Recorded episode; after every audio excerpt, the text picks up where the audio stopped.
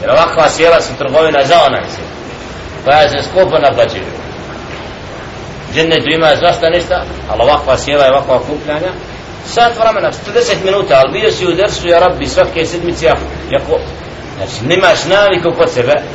i ne mogu biti isti oni koji su od početka pratili dersu, pa akidat tahavije,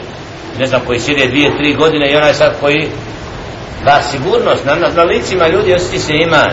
svast namaza, njegova čoha više nije ona što je bila prije godinu dana, on sebe ne uzme, kad ima priliku, da ga neko snima pa vidi njegovo ponašanje prije kad nije bio djecovima i sad da vidi sebe. I on svoje bit će da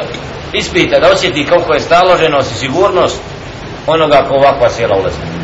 zato molim Allah subhanahu wa ta'ala skući na pravom putu. Da ovakvim okupljanjima Allah subhanahu wa ta'ala bude zadovoljan sa nama. Da u porukama Allaha subhanahu wa ta'ala ajetima nađemo igrati pouku jer upravo u ajetima i događajima koji su bili kod poslanika alaihim sallatu wa vjernik nalazi ibret i pouku i uči da on u svom narodu u skladu kako su se poslanici alaihim sallatu sve postavljali i on postavlja. Bude od spašenja inšala u vremenu kad mnogi znači vidimo nisu dovoljno prisutni na mjestima koja trebaju biti jer zaista ovakvi drsovi trebaju biti prepuni u smislu da čovjek navikne sebe da odsjeda u mesecidu kad se knjiga tumači drs zato molim Allah subhanahu wa ta'ala da budemo od onih koji će inša Allah ta'ala se ukoriste ovakvi cijela i zahvala Allah što nas odabrao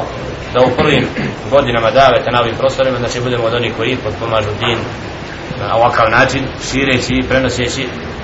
ono što je istina jer upravo dersovi mesidu su put kojim su se koristili svi učeni ljudi zato je naša praksa da upravo kroz ovakve dersove naviknemo čovjeka da ne da zna da nema ključa u mesidu da može dosta doći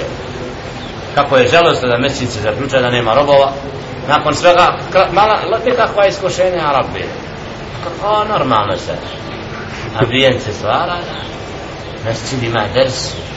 zahvala Allah subhanahu wa ta'ala. Pozivam vas inša Allah u sljedeći četvrtak kada ćemo neke detalje oko odlaska u Srebrenicu u ponedeljak 11. će od hajera radi daveta da taj narod koji oda još po zemlji kome otac majka zaklat vrijen znači da mu stavimo do znanja da vidi skupina oni koji vjeruju i koji neće svoje oružje davati na prijatelju da ga polju i svojih ruku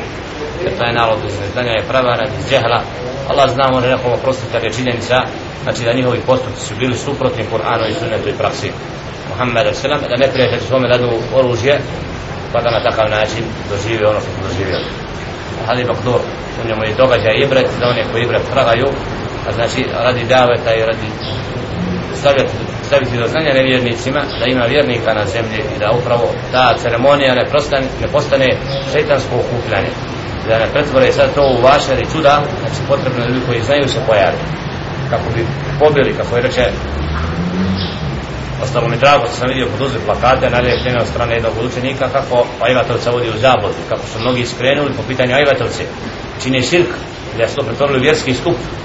to je šeitanuk da je to upozoravato i ranije da bi na nekim mjestima pozemnici streli da imaju plakate koje pozivaju Ajvatovce tako da Allah dadne dođe moment znači da ajvatos tu dođe odabrani robovi koji će rastjerivati tamo sa stavom on to Allaha Allah kod kući ne morate oddolazi ali iz neznanja znači gdje se narod okuplja oni koji znaju imaju udjela da mijenjaju stanje i da ljude okućuju s tim nije zamišljeno od Allah da ne da sve pokrenje